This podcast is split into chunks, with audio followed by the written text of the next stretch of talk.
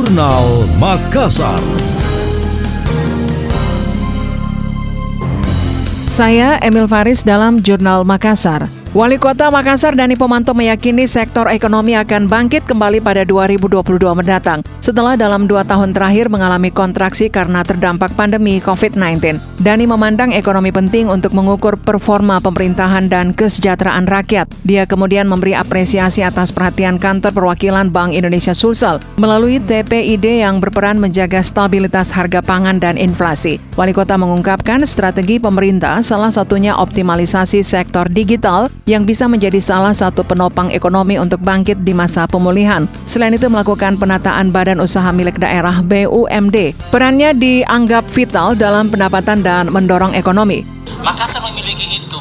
Nah, pada saat kami istirahat dua tahun, kebetulan juga COVID, maka terjadi apa namanya kontraksi ekonomi sampai minus 1,27 persen. Kenapa saya hafal ini? Saya hafal betul kalau ekonomi saya harus hafal mati. Kenapa? Karena inilah mengukur sebuah performa pemerintahan itu ekonomi, bukan hanya adipura, betul rutin-rutin, tapi ekonomilah sebenarnya ukuran kesejahteraan rakyat.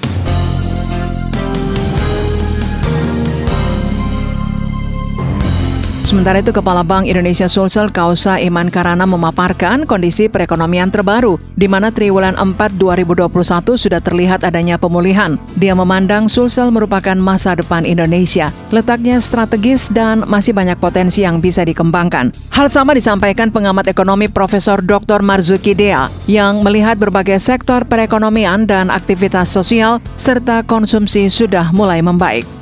Anda masih mendengarkan Jurnal Makassar dari Radio Smart FM. Provinsi Sulawesi Selatan masuk dalam 14 daerah produsen garam di Indonesia. Sayangnya produksi garam di Sulsel terus menurun. Data dari Dinas Kelautan dan Perikanan Sulsel menunjukkan pada 2019 garam Sulsel sebanyak 140 ton lebih. Pada 2020 turun menjadi 45 ribu ton lebih. Produksi garam bahkan anjlok pada triwulan 3 tahun ini. Dari target 46 ribu ton baru terrealisasi 466 ton.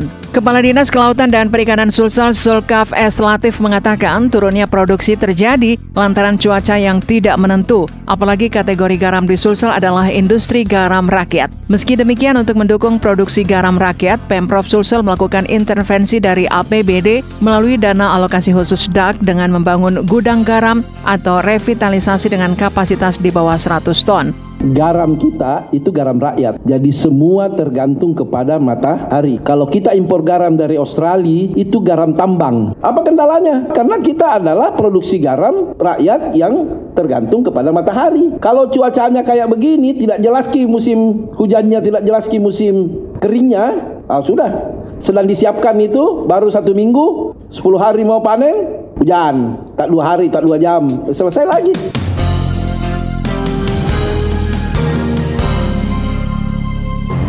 Sulkaf menambahkan gudang garam akan berada di 8 titik pada 4 kabupaten produsen garam, yaitu Pangkep, Jeneponto, Takalar, dan Kepulauan Selayar. Khusus Pangkep berupa gudang geotermal yang keseluruhan anggarannya mencapai 940 juta rupiah.